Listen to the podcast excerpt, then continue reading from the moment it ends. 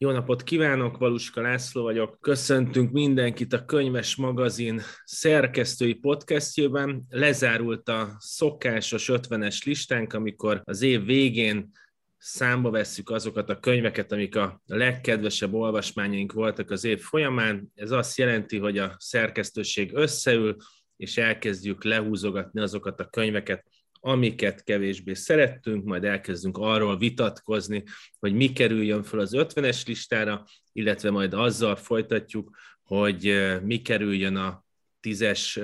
mezőnybe, illetve mi legyen az év könyve. Ezekről a témákról fogok beszélgetni Forgács Kingával, Sándor Annával és Rú Forsolyával. Sziasztok, köszöntelek titeket a virtuális stúdióban, és kezdjük rögtön azzal a bemelegítő kérdéssel, hogy milyen érzés túl lenni a listán, mit szerettek és mit utáltok a listakészítésben, és akkor legyen az első az Anna, aki a vallomását megteszi. Én nekem ez volt az első, mert én tavasszal érkeztem hozzátok, úgyhogy elég izgultam, hogy mindig mindent jól csináljak. És a végére nagyon-nagyon elkapott a, az izgalom a másik oldalról is, hogy vajon hogyan fogják fogadni az első tizet majd a, az olvasók, a kiadók. A, mondtátok, hogy ez mindig ilyen nagy vita szokott lenni, hogy akkor ki került be, ki nem, hova került, és akkor ebből mit fogunk mi látni. Hát, mint minden első. Tehát, hogy újszerű volt, izgalmas volt, nekem ez. De életedben készítettél már listákat, bevásárló listákat, filmes listákat, hogy azokat azért szereted, vagy nem szereted csinálni? Mert ez egyébként nem egyértelmű kérdés. Én egy szétszórt ember vagyok, ezért törekszem rendezni az életemet és a dolgaimat. Úgy, Tehát mindent listázol. így nem, nem mindent, de, de jót tesz. És egyébként szeretem évvégén uh, számba venni, hogy hogyan telt az évem. Tehát uh, ha úgy tetszik, akkor például az évvégi lista az egy hozzám közel álló jelenség. Inga, nálad mi a helyzet ezzel? Idén te ugye, majd erről fogunk külön beszélni, neked volt egy nagy favoritod az év könyvére, és, és hónapokkal ezelőtt már elkezdtél lobbizni érte. Nálad, nálad hogy nézett ki ez a listakészítés? Szereted, vagy nem szereted a listakészítést? Hát én szeretem az évnek ezt a részét, amikor, amikor átnézzük, hogy miken dolgoztunk, mit olvastunk, milyen könyvek voltak, mit szerettünk. Ilyenkor mindig van egy ilyen összegzős érzésem. És szerintem ez tök izgalmas. Tehát, hogy alapvetően jó így úgy lezárni az évet, hogy áttekintettük, hogy mi történt a könyvpiacon, meg mikkel foglalkoztunk. Úgyhogy én a vitákat is szeretem amúgy, ami ilyenkor van, mert az is azért arra, arra visz rá, hogy, hogy akkor nézzük meg, hogy, hogy nektek mi volt a kedvenc, és akkor ez mindig nagyon izgalmas, hogy mennyire máshogy látunk valamit, vagy mennyire ugyanúgy, úgyhogy én, én, én szeretem alapvetően a listakészítést, meg én nagyon örülök, hogy ezt csináljuk. Hát egyébként ez tök érdekes, hogy a, amennyire máshogy látjukból, mégis az jön ki, hogy a végén van egy közös nevezőnk, és az, azt én tökre bírom. Orsi, hogy te voltál az, aki a nagy hajrában elkezdted azt, hogy oké, okay, de holnap majd meg kell állapítunk, hogy, állapítanunk azt, hogy mi lesz a vége a listának, majd a következő nap se tettük ezt meg, és akkor is elmondtad, hogy majd következő nap akkor most már zárjuk le, hogy te hogy állsz a lista készítéssel? Örülsz, hogy túl vagyunk rajta? Ez most kb. három kérdés volt, és igyekszem mindegyikre válaszolni. Egyrészt én nagyon-nagyon szeretem a listákat, főleg azért, mert kicsit azt érzem, hogyha valami nagy tömegben zúdul ránk, és az most mindegy, hogy film, vagy könyv, vagy bármi más, az mindig valahogy kicsit rendelt vág és átláthatóbbá teszi. És én az a tapasztalatom, hogy mások is nagyon szeretik a listákat, és nagy figyelemmel követik. A, az 50-es listával kapcsolatban ambivalens érzéseim vannak. Egyrészt nagyon... Jön a vallomás, kell ide egy zene.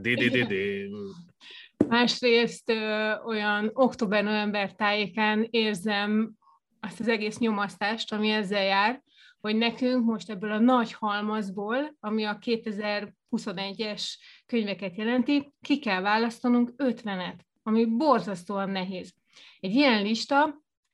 óhatatlanul szubjektív, és óhatatlanul igazságos, és óhatatlanul mindig a saját ízlésünket tükrözi. és ebben mindig benne van, hogy lemaradnak olyan könyvek, amik akár a mi kedvenceink is. De pont az a lényeg, amit te mondasz, hogy a végén összejön egy egységes lista, egy olyan lista, ami, amit mi négyen teszünk össze, és szerintem ez csodálatos látni, ahogy ez kialakul, és a legelsőre reflektálva, amit mondtál, szerintem elmondhatjuk azt, hogy amióta a lista készül, én már nem tudom mióta, talán 7-8 éve, talán még soha ilyen nehéz nem volt a döntés, mint amilyen az idei évben, de ezt majd, amikor oda kerülünk, majd elmeséljük.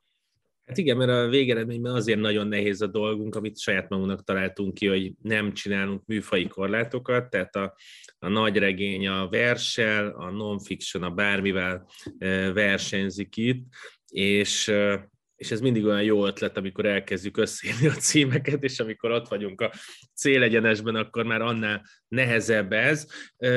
Én most azt szeretném kérni tőletek, hogy az egész 50-es listát nem szeretném végigbeszélni, mert a kedves olvasók azokat elolvashatják majd az úgynevezett internetes oldalunkon, és hanem majd a legjobb tízről szeretnék külön beszélni. Úgyhogy inkább azzal kezdeném, hogy mi volt az, ami nem került be a legjobb tízbe, de nagyon szerettétek, meglepett titeket,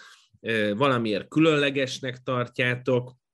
és ide lehet egy-két címet mondani mindenkinek fejenként, hogy, hogy mi az, ami, ami ilyen különleges olvasmány volt. Ki akarja kezdeni ezt a kört? Kezdem én akkor, legyen igazságos, hogy saját kérdésemre válaszolok. Hogy én akkor kiemelem az év egyik nekem nagy, nagy olvasmányát, az a győzelmi kényszer volt Rényi Pál Dánieltől, ami azt a fantasztikus ötletet valósította meg, hogy Orbán Viktor a focista portréját megrajzolja, amiből mégis egy ponton a politikus karaktere körvonalazódik, és ezt azért szerettem, mert az utóbbi években nagyon elkezdett felpörögni itthon is a,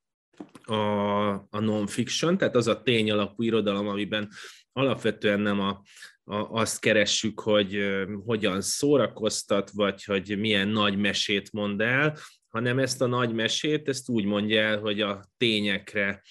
kifejezetten ügyel, és ebben rengeteg mikrotörténet volt attól kezdve, hogy milyen a, a nagyapa és az Orbán Viktor hogyan nézi a meccset, egészen addig, hogy az a jogi egyetemen milyen az öltözői hangulat, meg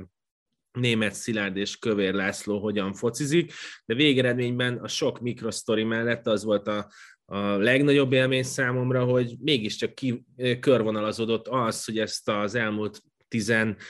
évet, amit uh, itt jól ismerünk, az mégis egy ilyen öltözői hangulatban valósul meg, úgyhogy nekem ez, ez a választásom. Ki lesz a következő? Akkor folytatom én, én egy olyan könyvet választottam ki a listából, ami, ami annyiban egészen különleges, hogy ez egy hagyatékban megtalált könyv, és először Németországban jelent meg, és azután magyarul, ami azért egy magyar könyv esetében ez egy ritka útnak nevezhető, ugye ez Borbély Szilárdtól a Kafka fia, ami, ami szintén egy egészen különleges szűrőt alkalmaz, ugye itt Kafkáról és a Kafka és az, az apja áll a középpontban, de azon keresztül Borbély az írásról és az olvasásról is elég sok mindent feltár. Szerintem az egy nagyon-nagyon izgalmas olvasmány, de hogyha, hogyha nekem is mondjuk egy mű, tehát így műfailag kellene valamit így kiemelnem, akkor azt mondanám, hogy tök jó, hogy ennyi novellás kötet került fel, tehát hogy a rövid, rövid próza ennyire erőteljesen rajta van a listán, tehát és hogy vannak ugye olyan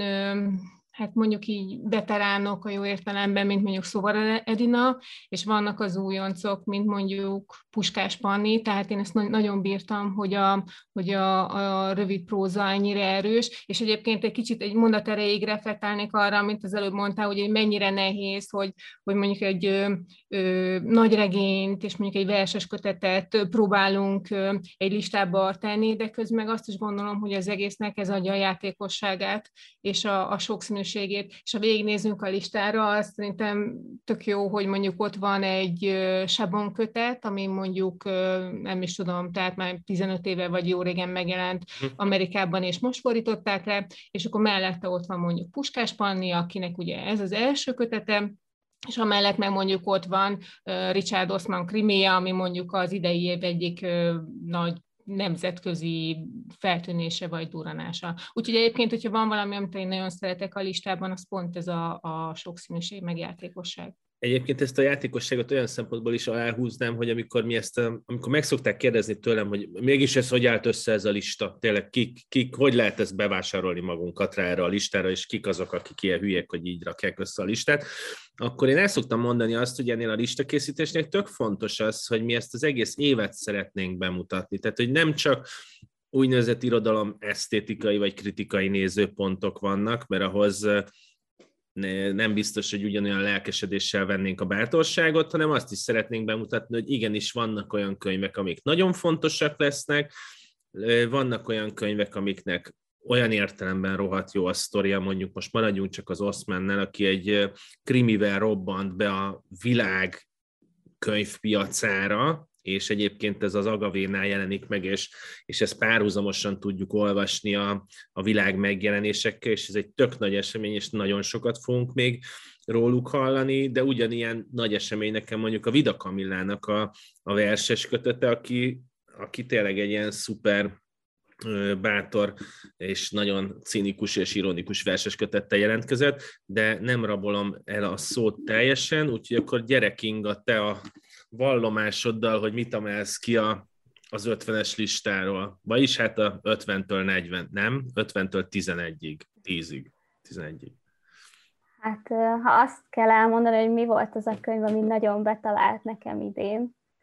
akkor az a Sally Rooney új könyve volt, amit nagyon vártam.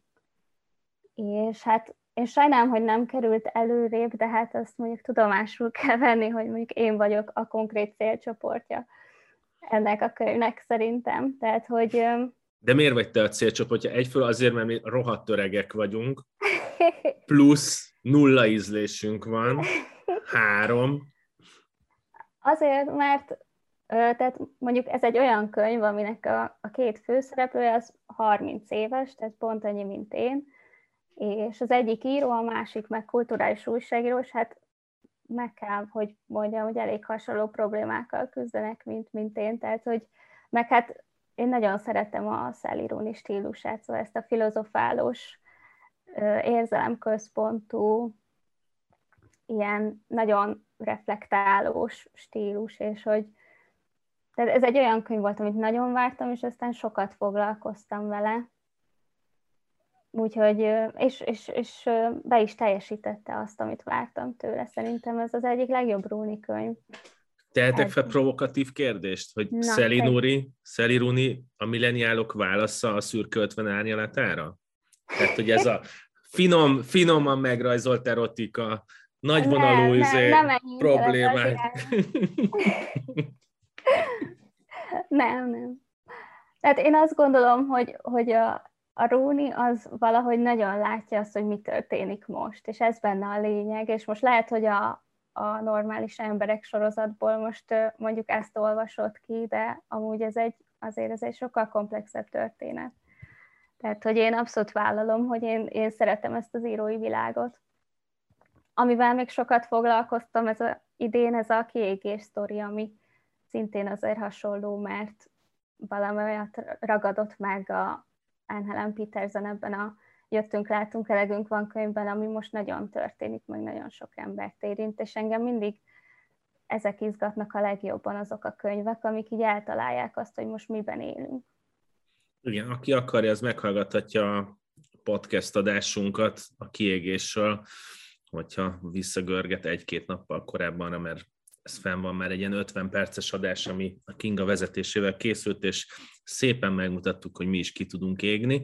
Úgyhogy Anna, te jössz, nem úszod meg, te idén csatlakoztál hozzánk, azt se tudtuk, hogy olvasol-e, aztán kiderült, hogy mégis, hogy olvasol, úgyhogy neked mi volt a, mi volt a nagy meglepetés könyved? Említetted az előbb ezeket a nagy történeteket, hogy mi az, ami ilyen nagy sztori, meg ilyen nagy berobbanás,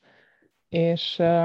hogyha tényirodalmi könyveket vesszük, amikkel főleg foglalkozom, akkor mondjuk kettő ilyen megjelenés volt szerintem itt az elmúlt évben. Ugye az egyik, ami ugye be is került az első tízbe, az a Perintfalvi Ritának a, a könyve a katolikus egyházban. De arról most nem beszélhetsz. de arról most nem beszélünk. A másik ilyen, ami szintén egy hatalmas nagy sztori, az meg már évekkel óta tehát megjelent Németországban, de nálunk csak idén, az a Jennifer Tégének a Nagyapám engem a jól nőtt volna című könyve, ami egy elképesztő történet. Um, a, volt régen a Twister című film, és abban mesélte a, a verkfilmjében a rendező, hogy hogy amikor gyűjtötték a forgószél történeteket, akkor volt egy olyan is, hogy a tehenet felemelte a forgószél, aztán éppen és sértetlenül lerakta hány száz kilométerrel odébb, és hogy ezt csak azért nem rakták bele, mert ez már túl sok lenne, tehát hogy az emberek nem hinnék el, hogy ilyen van. De most a Jennifer Tégének a sztori, az, az pontosan ez, hogy adott egy, egy nő, akinek az apja afrikai, az anyja német, és 38 éves azt hiszem, amikor kiderül számára teljesen tök véletlenül a könyvtárban, ahogy így böngészi a könyveket, hogy egyébként ő az unokája annak a náci lágervezetőnek, akit a Schindler listája című filmben Ralph Fiennes alakított. És, és az ő könyve akkor ennek a története, hogy egyfelől felderíteni a múltban, hogy ki volt ez az ember, és felderíti a saját családjának a történetét is, hogy akkor nem csak, hogy ki volt a nagyapa, hanem hogy ki volt az a nagymama, akit ő egyébként személyesen ismer, miért nem mondott erről neki semmit az anyja, aki egyébként őt örökbe adta, tehát ő egy örökbefogadott gyerek, és akkor itt bejön még egy szál, amire ugye Tompa Andrea hívta fel itthon a figyelmet, és amikor a Margós bemutató volt, akkor ő is beszélgetett vele. És tényleg ez az a történet, ami, ami, ami ja igen, és akkor még mielőtt erre, erről tudott volna tége, ő elment Izraelbe tanulni egyetemre. Tehát, hogy annyi, annyi, annyi megdöbbentő sorszerű véletlen találkozik össze az ő, ő történetében, és annyi egyébként Magyarországon nagyon-nagyon aktuális téma az örökbefogadástól kezdve a múlttal való szembenézésnek a kihívásaig, tényleg, hogy mihez kezdünk azzal, hogy elkövetők leszármazottai vagyunk, és itt az elkövetőket nyugodtan bővítsük ki arra, hogy azért, hogyha egy egész társadalom félre néz, hogy bizonyos társadalmi csoportokat megbélyegeznek, ellehetetlenítenek, jogfosztások érik őket, és konkrét fizikai megsemmisítésig megy a történet, akkor azért az, az egy nagy kérdés, hogy ezzel mit kezd az egész társadalom, ezzel, ez alól nem lehet kibújni. Szóval nekem ez. Itt azért vissza kell kérdeznem nem erre a könyvre, hanem arra, hogy nagyon nagy lobbistája voltál a magyar horror antológiának. Hol tart a magyar horror ma egy mondatban? Most valami, valami jót kéne hirtelen mondani. Figyelj, kapaszkodik, terjed, növekszik. Szerintem, szerintem kifejezetten jó erőben van, és mászik elő abból a, abból a műfai mocsárból, amiben a zsáner irodalmat Magyarországon száműzték, és nagyon-nagyon jó, jó ilyen hajtásokat lehet látni, ilyen kezdeményezéseket, akik már nem elégednek meg azzal, hogy az angol száz hagyományokból ismert elemekből építkezzenek, hanem szépen elkezdenek magyar helyszínekkel, magyar problémákkal dolgozni, nyúlnak a magyar néphagyományhoz, a mai magyar társadalmi valósághoz. Szóval jön ez, jön ez szépen lassan szaplat a sötétben előre, lomhán és fenyegetőn. Mi ugyanilyen lomhán és fenyegetőn érkezünk meg a tízes listánkhoz, mert erről szeretnénk bővebben beszélni. Ott is kezdeném, hogy a tizedik helyen Kazuo Ishiguro Klára és a Nap című regénye végzett, ez az Európa könyvkiadónál nem, a Helikonnál jelent meg elnézést, és ugye ez azért érdekes könyv, mert ritkán van az, hogy egy Nobel-díjas szerzőnél a Nobel-díj utáni első könyv az egy ilyen nagy dobás legyen, és ez bizonyos értelemben a 2017-es irodalmi Nobel-díj után egy nagy dobás volt. Ugye ebben vannak robotok, eleve az egész nézőpont egy, azt, azt veszi föl, hogy hogy lehet elmesélni egy történetet úgy, hogy egy robot, ami a mesterséges intelligencia alapján tanulja a világot, és egy boltból, egy kirakatból nézi az életet, az mit tanul meg az életről, meg az érzelmekről, meg a szeretetről, és ugye egy 14 éves kislány kapja meg majd ezt a robot barátot, és a kettőjük kapcsolatáról szól a könyv. Orsi, te vagy Isigurónak az általános rajongója? Az általános rajongója, igen, el lehet mondani. Én azt gondolom egyébként, hogy Izsigúrónak pont az a szerző, akinek, akinek minden egyes megjelenése esemény számba megy, és nem csak itthon, tehát elég megnézni, hogy, hogy, hogy ennek külföldön is milyen szép íve van. Tehát én azt gondolom, hogy tudjátok, hogy az elmúlt években azért a Nobel azért nagyon-nagyon sok érzelmet kiváltott, negatívat és pozitívat is, de azt gondolom, hogy pont, a, pont az Ishiguro Nobel-díja volt az, ami, ami, amire úgy senki nem kapta úgy föl a fejét, hogy senki nem mondta azt, hogy ez nem megérdemelt lenne, és hát a, az, amit utána letesz az asztalra, az is az bizonyítja, hogy hát ez nem volt véletlen, hogy ő kapta meg azt az elismerést. Egyébként ez, az milyen már, hogy tényleg a Nobel-díjról úgy gondolkozunk, hogy amikor vannak ezek a tip versenyek, ugye, hogy a Nobel-díjnál nem nagyon lehet kitalálni, hogy ki lesz a nyertes, mert az mindig véletlenszerűen egyszer csak egy olyan nevet kapunk, akit nem ismerünk, de hogy a, az Ishiguronál az történt, hogy van egy szerző, akinek egyébként van komoly olvasótábora, és a szakma vissza is igazolja, tehát hogy különböző díja is vannak, jó kritikákat kap, jó helyen jelenik meg, tehát neki nem kell küzdenie, és, és így kapja meg az irodalmi Nobel-díjat. Egyébként még szerintem viszonylag korán is, ahogy egyébként a Nobel-díjat szokták korábban osztogatni, és, és ez a könyv, ez még azt hiszem a megjelenés előtt már a Steven Spielberg megvette, tehát ebből tényleg óriás, óriás érzelmes film fog készülni. Az Obama az felvette a nyári olvasmánylistájára, úgyhogy ezt, ezt jó szívvel tudjuk ajánlani mindenkinek, aki szereti a technikát, meg az érzelmeket így egyszerre. Hát nem tudom, hogy ez a két olvasótábor hol fog találkozni, de a Klára és a napnál megvan az esélyennek. A kilencedik helyezett szerzőnk Andri Snyer Magnusson Időről és vízről című könyve, ami be egyébként az Anna szeretett bele halálosan, és ő volt az, aki aki sokat beszélt nekünk arról, hogy milyen fantasztikus dolog, hogyha valakinek Gletscher kutató nagyszülei vannak. Úgyhogy légy szíves, hogy Izlandot ezt a szívünkbe zártuk most már többször, tehát Jon Kalman Stefansson miatt, meg Björk miatt biztosan, hogy mit kell tudnunk az Időről és Vízről című könyvről, ami valami műfai crossover abban az értelemben, hogy nagyon fontosak benne a tények, de egyébként meg elmesél egy nagy sztorit. Jaj, hát nekem ő, vagy hát ez a könyv az egyik abszolút szerelmem idén, és nagy olvasmányélményem. Egyébként Izlandot a szívübe zártuk azért is, mert ott maradt fent az északi irodalomnak, a régi mitológikus irodalmuknak a, a zöme, meg a, a tényleg ilyen nagyon-nagyon arhaikus iratok. És ez azért is fontos itt, mert uh, Magnusson fogta magát, és uh,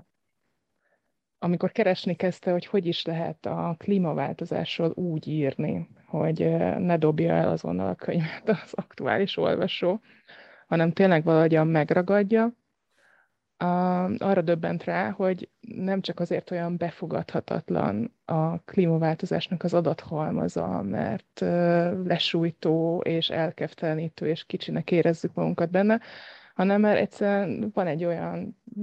tény, hogy az agyunk nem tud mit kezdeni annyira az adatokkal, ellenben a történeteket viszont nagyon-nagyon jól tudjuk kezelni. És akkor ő keresett egy új nyelvet arra, hogy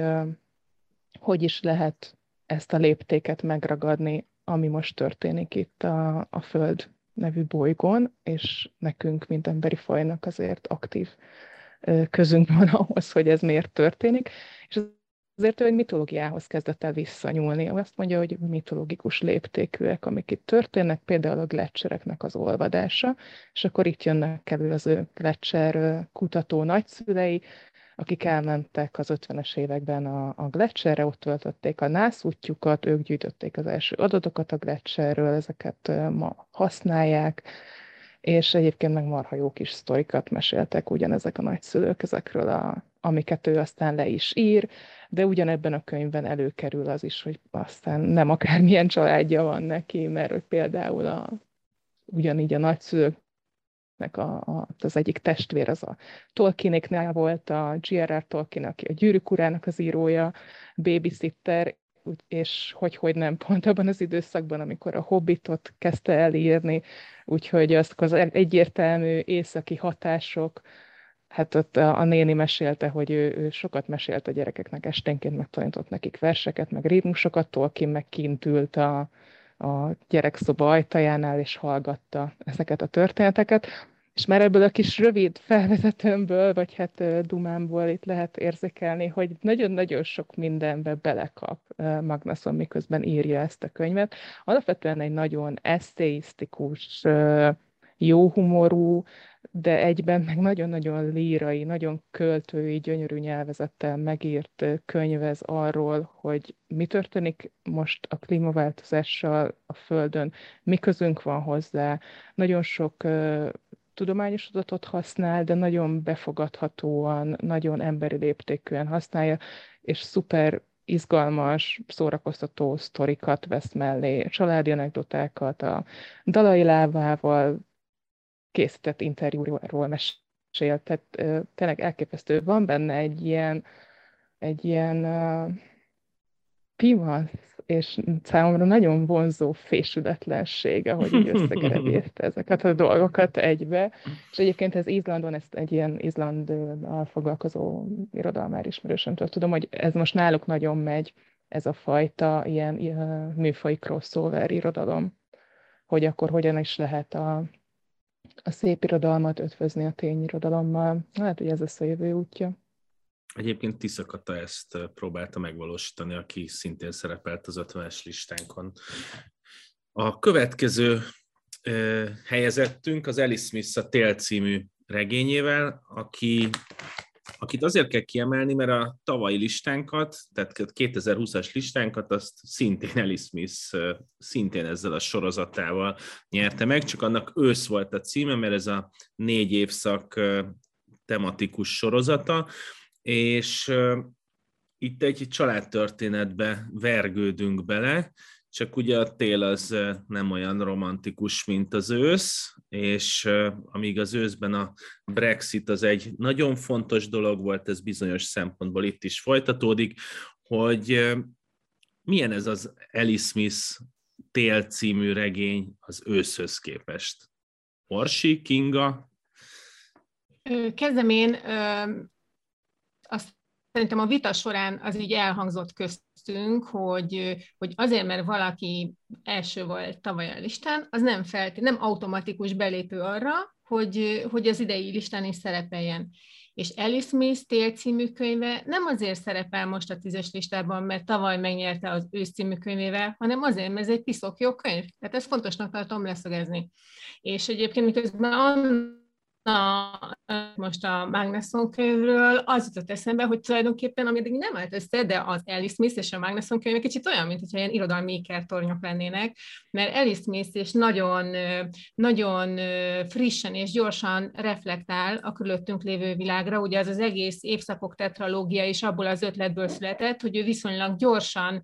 tudjon irodalmilag reflektálni arra, ami körülöttünk zajlik, és a Brexit és a menekültválság érintőlegesen ez ezekben a könyvekben is fel, ebben a könyvben is felbukan, ugyanúgy, ahogy az őszben, és egyébként tök érdekes látni, hogy van olyan szereplő is, és vannak olyan motivumok, ami kicsit ilyen, ilyen vándor motivum, tehát felbukkant az őszben is, és tök, tök jó, hogy összelegózni, hogy ja, és egyébként ebben is felbukkan, csak esetleg nincs olyan súlya,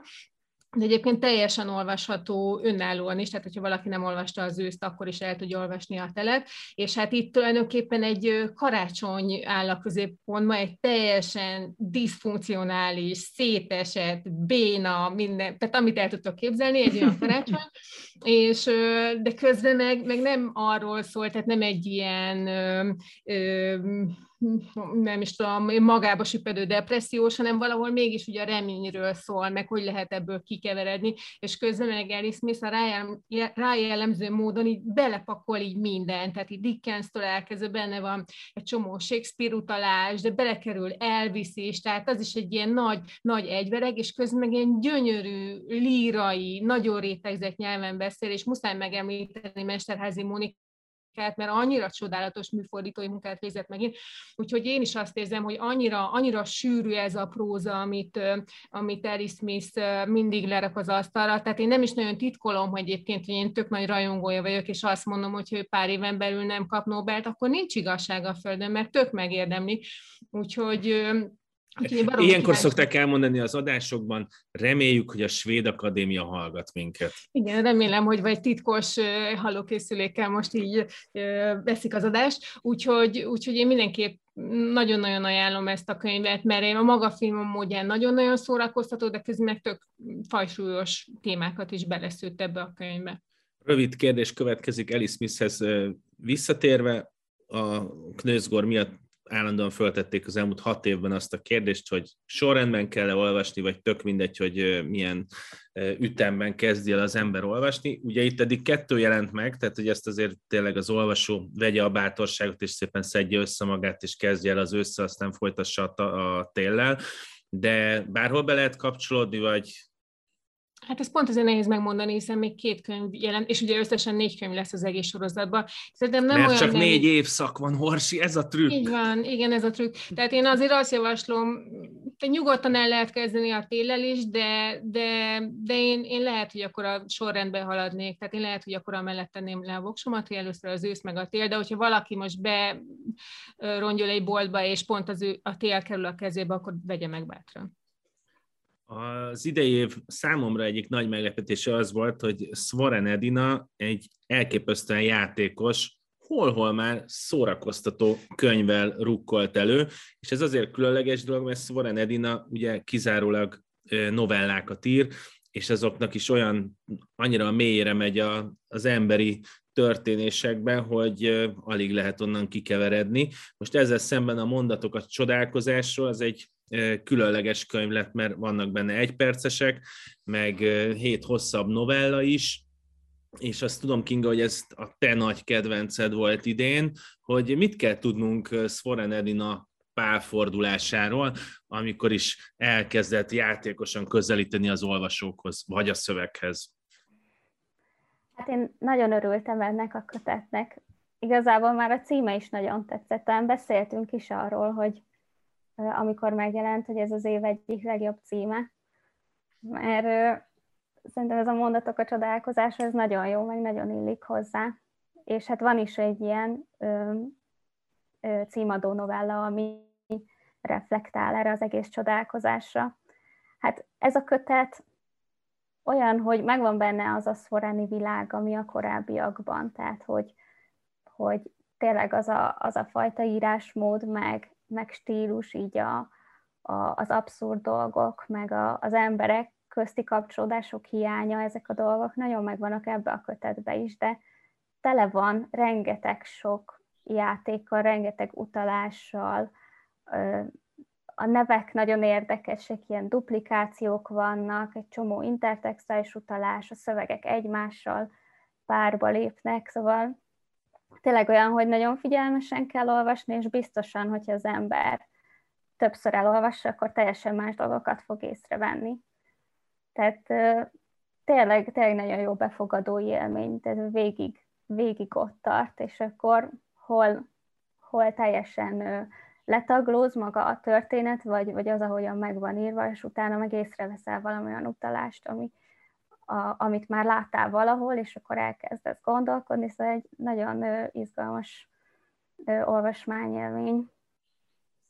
Hasonlóan van letaglózó része, meg felemelő része Jon Kamen Stephenson azt a című regényének, ami a jelenkornál jelent meg, és ugye ez azért fontos nekünk itthon, mert a Menny és Pokol trilógia az 2019-ben az év legjobb könyve lett a könyves listánkon, és az előbb már Alice Smith kapcsán az Orsi elmondta, hogy senkinek nem jár az automatikus helyezés, és hát ezt az asztáról is el lehet mondani, ami a jó hír az az olvasók felé, hogy ez csak egy kötet, az is jó hír, hogy nem a e, jégben és a széllel szembe sétál a főszereplő három köteten keresztül, hanem sokkal inkább itt vagyunk a, a történethez közel. Itt volt Jon Kalman Stephenson az őszi Margon, órákig dedikáltatta az új regényét, az látszik, hogy ezzel a könyvvel is valami komoly dolog történt itthon.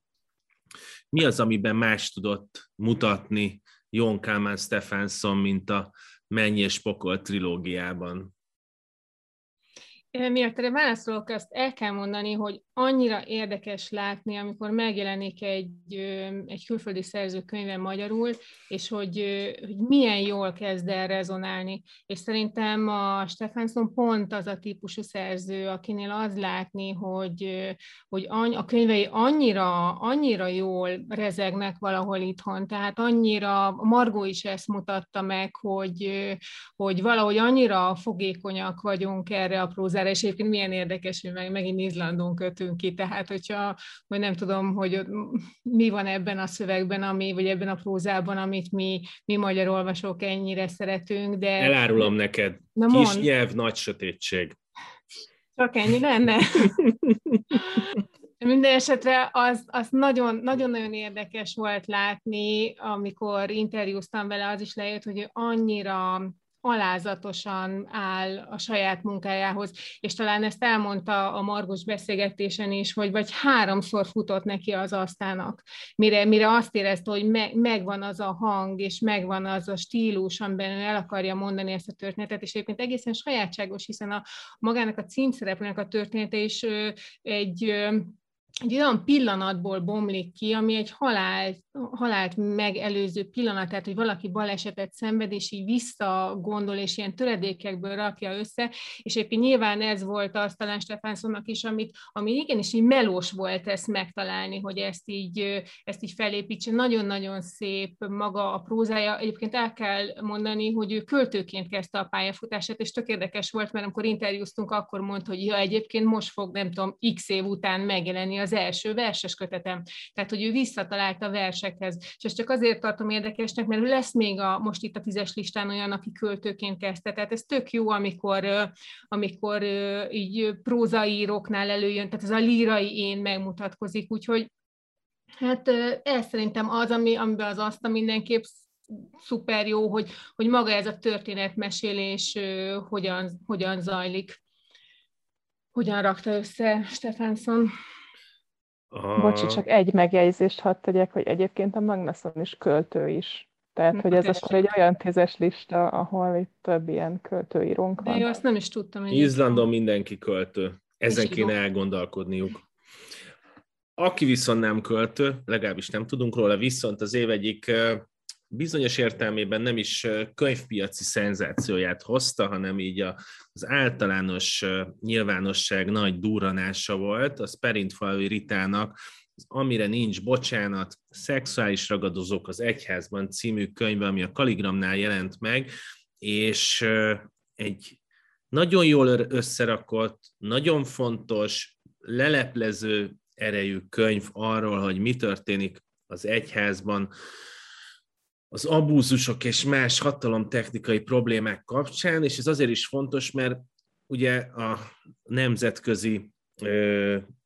irodalomban vagy nyilvánosságban nagyon sok, ö, sokat beszélnek erről a témáról, itthon sokkal kevesebbet, összezárnak a, a, a források, tehát hogy tényleg kevés történet van, amit el lehet mesélni, viszont Perintfalvi Rita beleállt ebbe a történetbe, és keményen feldolgozta ezt a témát, és Anna, te interjúztál Perintfalvi Ritával, milyen volt, a, milyen volt vele a találkozás, és milyen volt ezzel a könyvvel a találkozás? Hű, én egy fél mondatotba akartam belekötni, és most meglepett ez a kérdés. Hát nézd, megrázó. Kössél bele, hogy kössél bele először. Ez, ez, ez egy nagyon-nagyon megrázó könyv. És hát például azért is, azt mondod, hogy összezárnak a források, hogy te gondolom elsősorban hogy az egyházra, vagy hát a hatalomnak a birtokosaira gondolsz. Uh-huh. Ugye a források, az áldozatok is, akik azért alapvetően nem jó szándékukból hallgatnak többnyire. Ugye ezt, amikor a MeToo mozgalom elindult, azt láthattuk már a civil, tehát társadalom teljes rétegében, akik érintettek voltak, hogy mennyi tehát miután elszenveded a bántalmazást, azután még a társadalom is téged kezd el hibáztatni azért, ami történt. Na most ez határ, hatványozottan van így, a, úgy tűnik a, a vizsgálatok és a személyes interjúk alapján is a, az egyháznak a szexuális visszaélések áldozataival, különösen, hogyha gyerekekről vagy fiatalkorúakról van szó, de beszélhetünk itt tényleg felnőtt emberekről is, szervetes rendek tagjairól, nőkről, férfiakról vegyesen, hogy van egy,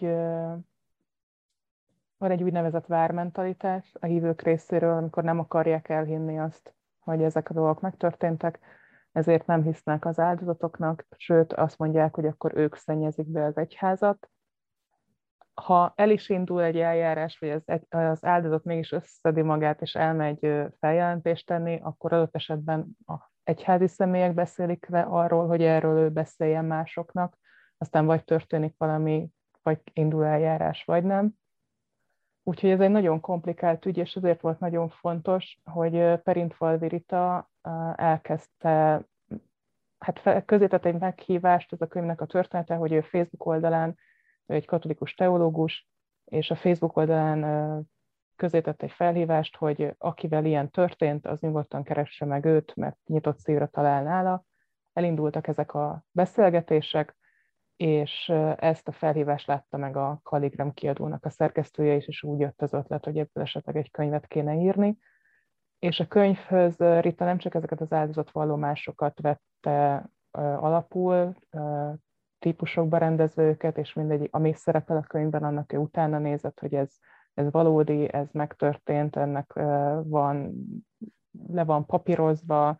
tehát hogy eljárás indult adott esetben az egyházon belül, hanem fogta és oda a könyvbe a, a világhegyházi adatokat is. Tehát amit már említettél az elején a felvezetőben, Laci, hogy igen, tehát hogy nem Magyarországon, hanem például az szintén volt kommunista országban, Lengyelországban is, és nyugati országokban is már megindult ennek a, a feltárási folyamata. Lengyeleknél már dokumentumfilm is készült ebben a témában, de ugyanúgy az íreknél, most legutóbb hogy a franciáktól jöttek iszonyú számok. Tehát az egyház azért ezzel a dologgal foglalkozik, foglalkozik azzal is, hogy egyáltalán ez a hatalom, a, az egyházi előjárók, a papok, illetve a laikusok, tehát a civilek között ez, ez, ez hogyan működik, miért történhetnek visszaélések,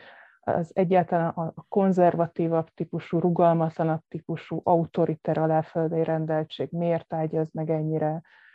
ezeknek a helyzeteknek. Tehát a Perinfali Rita fogta ezeket az adatokat, fogta ezeket a kutatásokat, fogta ezeket a személyes interjúkat, és egy elég világosan szerkesztett és világosan építkező kötetben módszeresen feldolgozta. És azt gondolom, hogy azt a munkát, amit Úrfi Péter elkezdett a 444-nél, hogy újságcikkekben elkezdte feltárni a magyarországi eseteket, amellé a Perintfardi Ritának a könyve egy szintén egy nagyon-nagyon fontos első lépés azon az úton, hogy, hogy a társadalmunk visszautólag saját maga szembe tudjon nézni azzal, hogy itt a múltban és a jelenben egy ennyire tiszteletteljes, kulturális intézményben, mint a katolikus egyház, azért mi minden tud történni az emberekkel, mert csak akkor tudunk gyógyulni, akkor tudunk előrelépni, hogyha ezeket a munkákat elvégezzük. És azt még tegyük hozzá, vagy hát húzzuk alá, hogy a, az ő nézőpontja az, hogy egy keresztény nézőpontból közelíti meg ezt a témát, és amikor azt mondjuk, hogy rendszer szintű e, problémákat vet fel, akkor nem, a, nem az egyház ellenében megy, hanem hogy ezeket a rendszer szintű problémákat szeretné feltárni, mert ez viszont az egész kultúránkra hat, hiszen a keresztény kultúra az mindent áthat nem csak Így van. Magyarországon, és, és hanem Európában is. Így van, és hát ugye ez nagyon-nagyon fontos, hogy tényleg itt is az egyik kiinduló pont, amire egy kutatás, amiről nagyon-nagyon sokat hivatkozik, az a német katolikus püspökök maguk ellen úgymond kérték azt a vizsgálatot, és ez egy hosszú, nagyon alapos vizsgálat volt, annak az eredményei relevánsak itthon is. Ezt egyébként Hortobágyi Cyril, aki a jelenlegi panonhalmi főapát fogalmazta meg szerintem nagyon szépen. Ugye Panonhalmán is kirobbant egy ilyen ügy, ez volt az egyik első, hogy, hogy amikor voltak olyan hangok, hogy ez csak a, a romlott nyugatnak a, az ügye és a problémája, és mi nem vagyunk olyanok, akkor Hortobágyi Cyril erre annyit mondott, hogy azért ő nem gondolja, hogy annyira másfajta emberek lennénk mi. és hát ezt nem fogom tudni ügyesen átkötni Danyi Zoltán Rózsákról című regényére, de az biztos, hogy abban is nagyon másfajta típusú emberek vannak. Ugye Danyi Zoltánnak a Dögeltakarító című első könyve az elég izgalmas megjelenés volt a magyar irodalomban, és most hosszú évekkel később megérkezett a Rózsákról című regénye, amit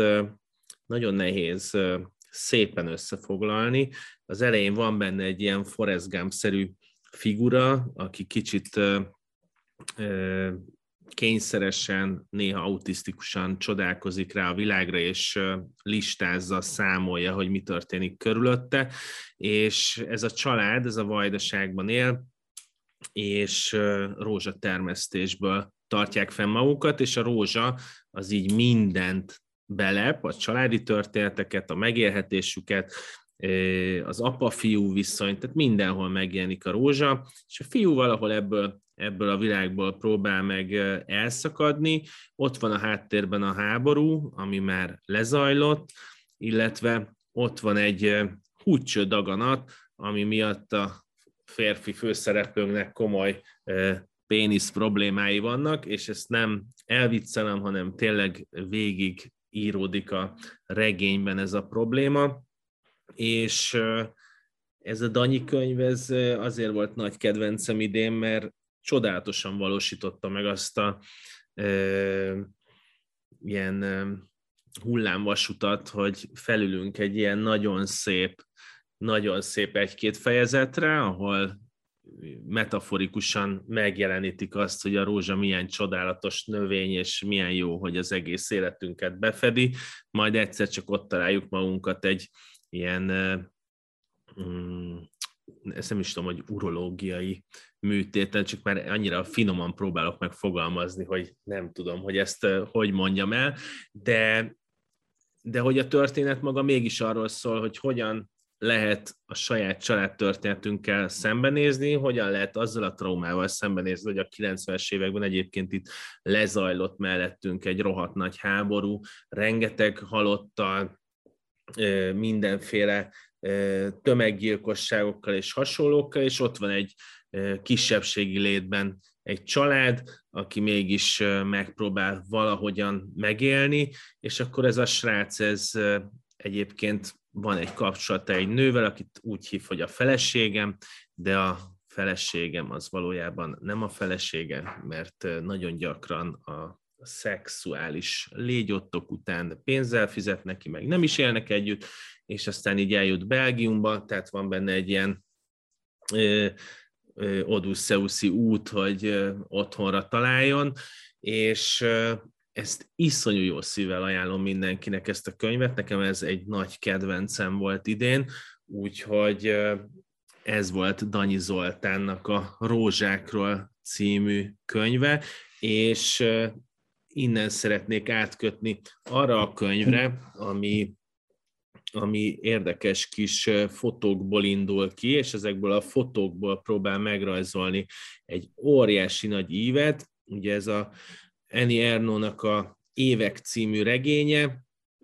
ami Franciaországban óriási siker volt, idén végre megjelent Lőrinc Szildikó fordításában. Magyarul is, egy csodálatos Tour de France-os borító, borítót készítettek neki,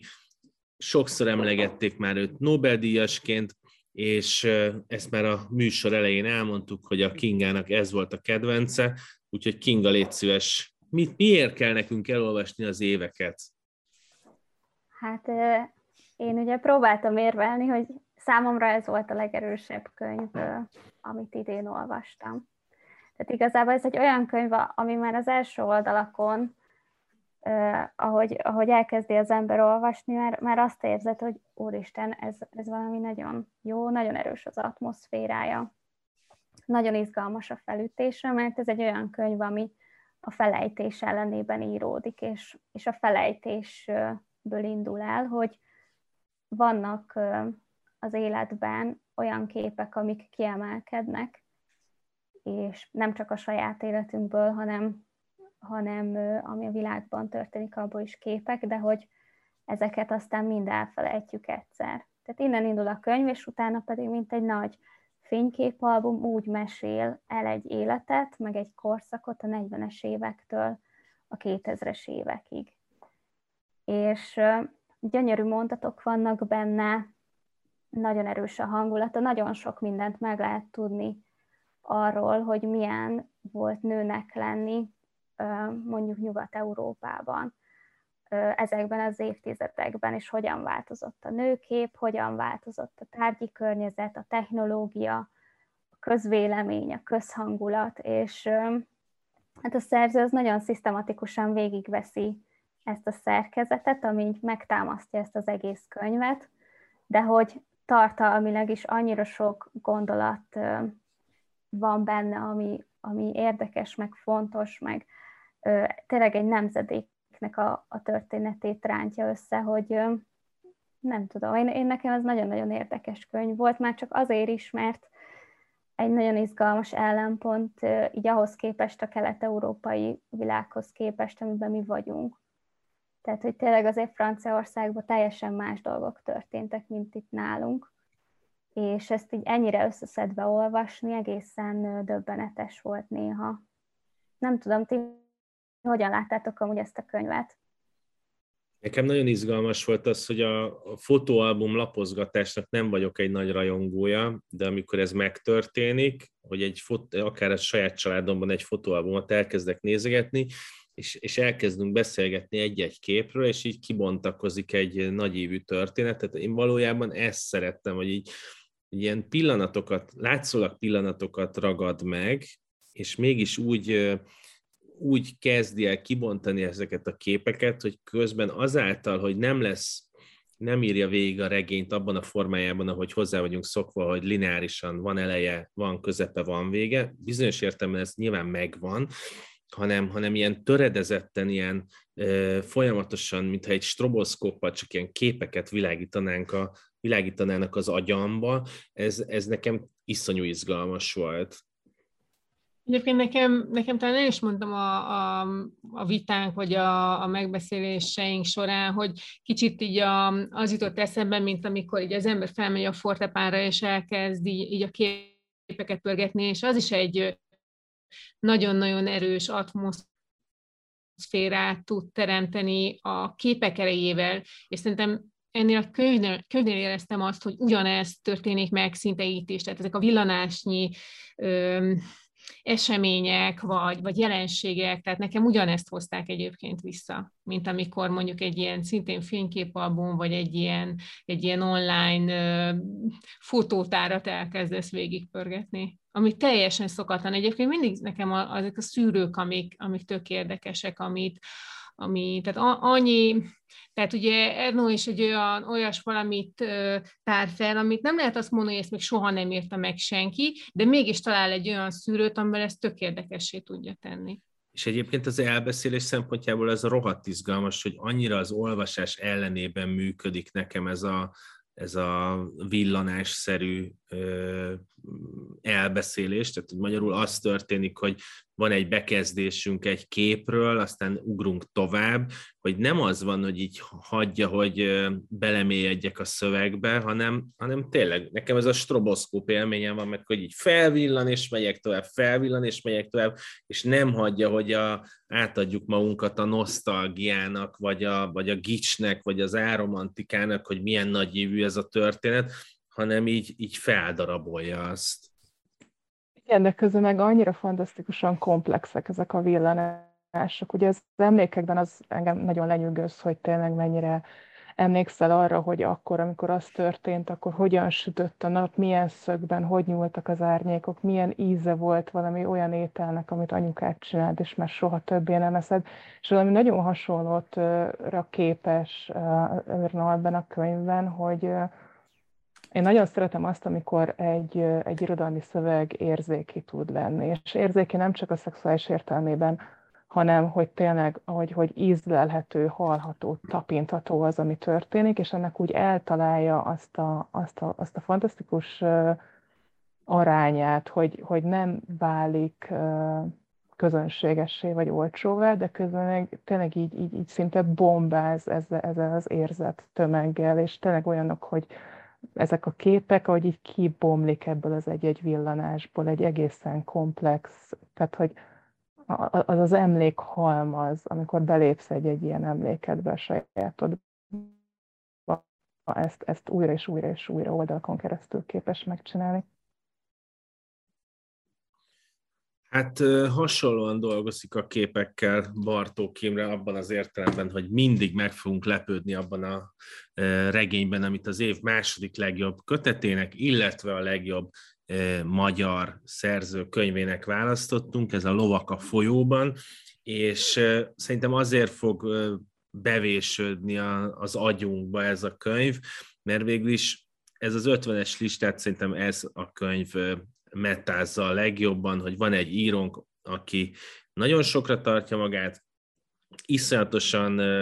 elkámpicsorodott azon, hogy a főműnek tartott Jerikó című regénye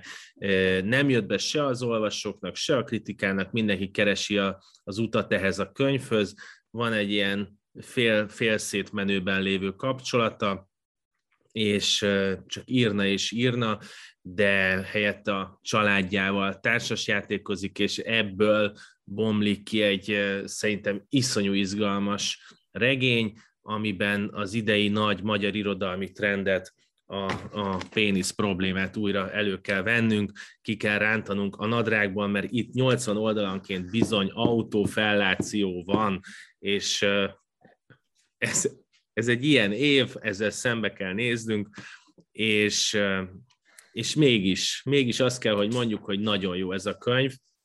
Úgyhogy Orsihoz fordulok, te írtad meg annak idején a hét könyvének. Te viszonylag korán az év egy korai pontján felismerted, hogy ez milyen fontos könyv. Mi volt akkor ennyire fontos neked ebben?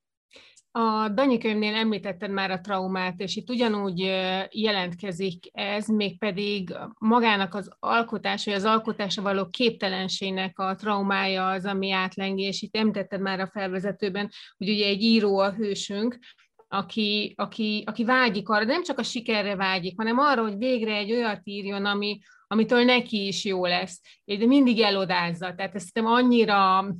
szórakoztató, és egyébként így az ember néha magára is tud ismerni, hogy hát hajlamosak vagyunk mi is arra, tudod, amikor mi, mindent megteszel, mindent arra teszel, mindent elkövess, csak ne kelljen neki állni, ne kelljen szembesülni esetleg a saját alkalmatlanságommal vagy kudarcommal, ez tök szépen benne van ebben a könyvben, és hát meg kell, hogy mondjam, hogy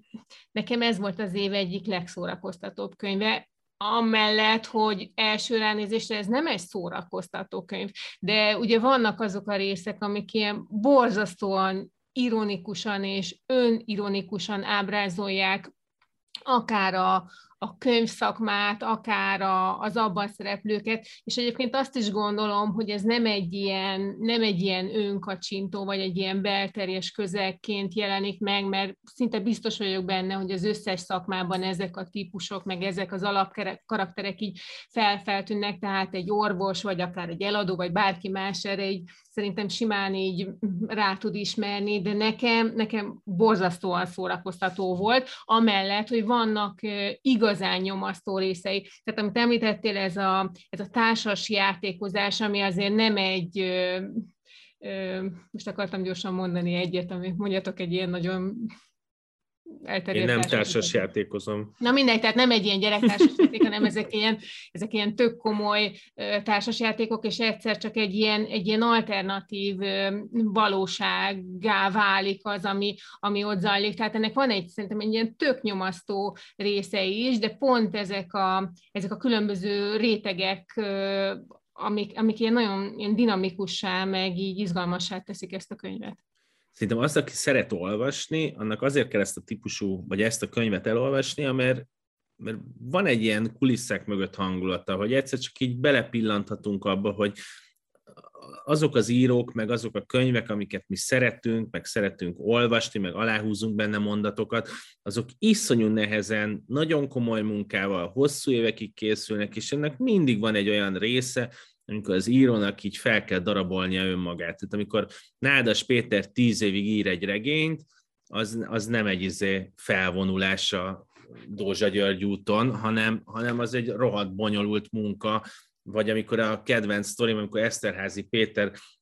leadja a Harmonia Celestisnek a kéziratát, és egyszer csak azt mondja, hogy uh, hát lehet, hogy nem az a legjobb első mondat, és az egész az kezdődik előről, és még öt évet rak bele, azok, azok nagyon komoly dolgok, mert hogy itt nem csak,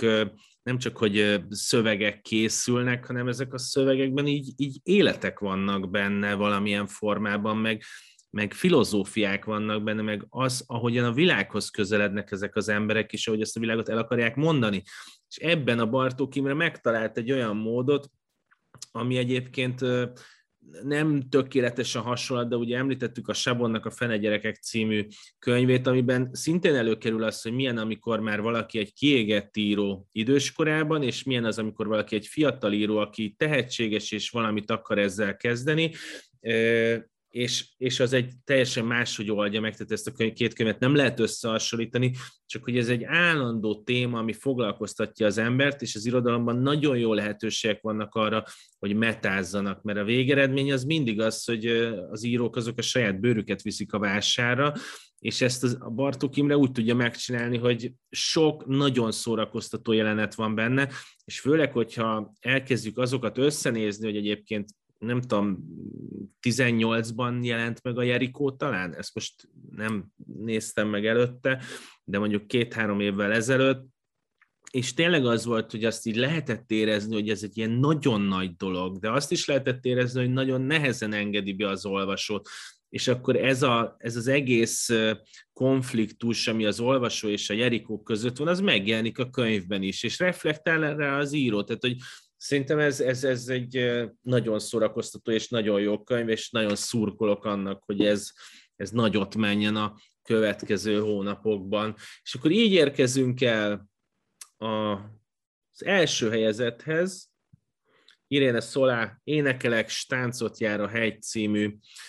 könyvéhez, ami, ami nagyon csendesen jelent meg az év közben abban az értelemben, hogy iszatosan szerettük a borítóját aztán elkezdtünk beleolvasni, és kialakult egy ilyen mesebeli világ, amiben nagyon különleges nézőpontokból mesélnek el egy, egy világot, ami, ami mégiscsak a Pireneusok, ami hát hozzám azért annyira nem áll közel, de, de az látszott, hogy itt valami történik. És akkor így olvasgattuk, olvasgattuk, és egyszer csak itt volt a Margóna, az Iréne Szolá, és valahogy ott álltam, ott a Margon, és azt láttam, hogy van egy ilyen teltház, egy ilyen első kötetes katalán szerzőnél, és, és így valami nagyon komoly dolog történik, és azt láttam, hogy ez a szöveg, ez iszonyatosan működik, és, és amikor itt az év végén elkezdtünk beszélni a, arról, hogy mik lehetnek a legjobb könyvek, akkor egyszer csak azt vettem észre, hogy úristen, hát itt most már mindenki az Iréne Szolá mellett érvel, szóval most itt az idő, most vagy soha, mindenki elmondhatja, hogy miért Iréne Szolát választottuk az év könyvének. Kezdje, Dorsi, te mégiscsak te vezetted a Margóna beszélgetést vele. Téged már régen, régen megvett a szerző. Igen, igen, igen. Mm, szerintem mindig annyira izgalmas, amikor jön valaki, aki tulajdonképpen teljesen ismeretlen, és így jön, lát és győz. És szerintem ilyen volt a Stefánszon pár éve, és ilyen volt az idei évnek a, az Iréne Szolá, hogy itt van egy fiatal nő,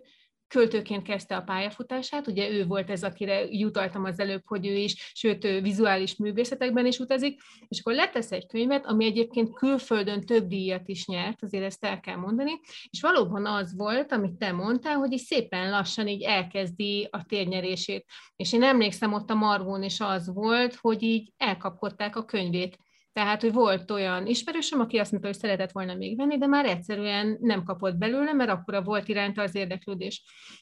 és egy ilyen, valóban egy ilyen nagyon különleges a könyv abból, hogy nagyon, nagyon lírai, nagyon szép a nyelvezete, de közben, amit ábrázol, az egyáltalán nem egy szép elgő dolog. Tök erőszakos dolgok történnek, tehát hogy halállal kezdődik úgy, úgy kezdődik az egész, hogy valaki ott hagyja a fogát a hegyen. És nem ő az egyetlen. Tehát nagyon erőszakos dolgok történnek, de közben még sincs benned ez a, az erőszakból adódó feszültség, hiszen tehát Szolá valahogy nagy egészként tekint erre, és azt mondja, hogy igen, itt történhet egy haláleset, de ez a nagy egész tekintve, ez egy ez egy olyan, mondjam, egy természetes folyamat szinte. És itt jön be az, hogy nagyon különböző nézőpontokból szólaltatja meg a narrátorait. Tehát itt megszólal a hegytől kezdve az állatokon keresztül az emberek, a vizitündérek, tehát ő egy nagy komplex egészben gondolkozik, ami egy tök új dolog szerintem, és amit a, ha, ha, ha szubjektíven kell mondani valamit, akkor nekem ez volt az a könyv, talán pont a Margó miatt, ahol amit szerintem ebben az egész évben én nagyon, nem tudok jobb szót rá, tehát ezért mondom ezt újra és újra, én nagyon szorosan olvastam. Tehát, hogy nagyon, nagyon közvetlen volt a viszonyom a, a szövegből, és én biztos vagyok benne, hogy ez nagyon-nagyon hatott rám. Tehát, és a, az én végső voksomban ez nagyon-nagyon erősen benne volt. Anna? Nagyon üde ez a könyv, nagyon játékos. A Kingával beszéltük korábban, hogyha az Örnó könyv az olyan, tehát hogy ez és az Örnó könyv tökre így párban van egymással, mert az egyik, az Örnó az már egy beérett nézőpont, ami szintén ilyen, ilyen patchwork-szerűen, ilyen, ilyen foltokból rakja össze magát, de, de az már tényleg ez a télbe forduló ősznek a könyve a, a szolá az, az az üde tavasz, amikor, amikor játszik veled a szél, és, és még egy kicsit megharap, de már nagyon jó kint lenni. És uh, megújítja, én azt mondanám, ezt a, a mágikus realista hagyományt is. Tehát, hogy itt a márkezéknek volt egy nagy korszaka, és hogyan lehet ebből úgy tovább lépni, hogy az ráadásul nagyon-nagyon mai legyen. Amiről az előbb az Orsi is beszélt, hogy hogy megszólalnak az esőfelhők, megszólalnak a gombák, megszólalnak a medvék, akiket az emberek elüldöznek, megszólalnak élő és holt emberek, megszólalnak mitikus lények, és megszólal a turista, aki odavetődik a, a, a Pireneusokhoz. Tehát a, a rendszert látjuk, a komplex egészet úgymond egy ilyen a, a, a létezésnek az ökoszisztémáját látjuk a Pireneusokban, gyönyörű irodalmi nyelven megragadva, és ez ma, megint klímaváltozás korában, ez, ez, ez nagyon-nagyon aktuális ez a nézőpont, hogy azt mondja Szolá, hogy itt van ez az azt hiszem 15 vagy 8 fejezet, itt, itt minden hang ugyanolyan fontos. Ez egy olyan kórus, ahol nincsen fő szólista, vagy nincsen, nincsen vezér énekes, hanem itt mindenki számít. És itt ezekből a hangokból, ebből a kórusból fog kirajzolódni az a történet, mert egyébként ugye nyilván van egy történet, egy családtörténet, egy tragédia, hogyan bomlik ki generációkon keresztül, de ehhez minden hang kell, hogy összeálljon ez a történet és, és ezt a fajta, ezt a fajta egyenlőséget, hang egyenlőséget, a világba vetettségnek ezt a hang egyenlőségét, ezt ragadja meg nagyon jól szól, úgyhogy ne legyen didaktikus, hanem ez, amit, amivel el is kezdtem, ez a játékosság, ez az üdetség, nagyon könnyű, de nem lesz felszínes. Tehát én nem tudom, hogy itt a költészet számít, amivel ennyire jó arányérzékkel így eltalálta ezt a dolgot, de, de működik. Vagy a varázsgomba, ami miatt vízitündérekről írogat, tényleg. Meg első felhőkről, amik megszólalnak. Kinga, te is mondd el. Laci, balladisztikus. ja, tényleg balladisztikus, ezt így mondják szépen. Kinga, te is érvelhetsz egyet, hogy mindenki, mindenki tanulja meg, hogy ezt a könyvet el kell olvasnia. Hát nehéz már ezek után olyat mondani. De hát engem is igazából a könyvnek a szépsége ragadott meg a, a nyelvezettel, meg az a varázslat, ami benne van, és a holisztikus szemlélet mód. Tehát tényleg ezt a Szederkata kollégánk mondta, hogy,